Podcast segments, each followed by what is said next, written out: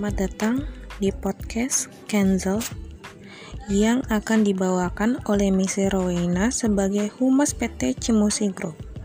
Cimosi yang harus terus berkembang. Tak disangka-sangka perkembangan bisnis susu Cimosi menunjukkan progres yang amat positif.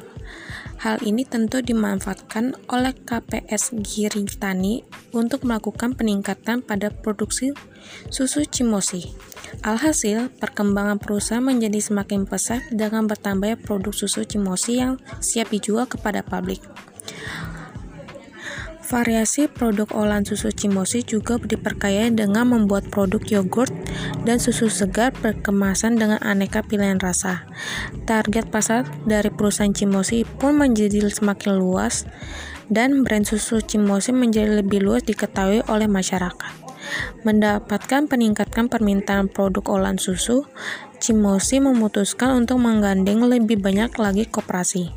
Tak tanggung-tanggung, Cimosi mengajak kerjasama hingga lima koperasi lain tersebar di Kabupaten Bogor, Cianjur, dan juga Sukabumi. Mengutip dari SUA, Keputusan ajakan kerjasama dari Cimosi ini ditenggari dari sifatnya permintaan produksi olahan susu.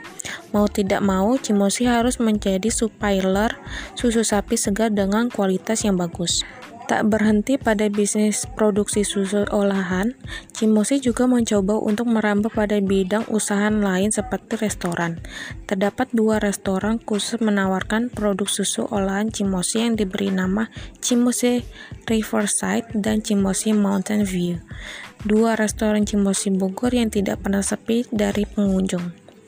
Selain restoran, membuat tempat wisata yang besar dan terlengkap yaitu Cimosi on the Valley di Semarang atau orang biasanya menyebut Cimosi Semarang.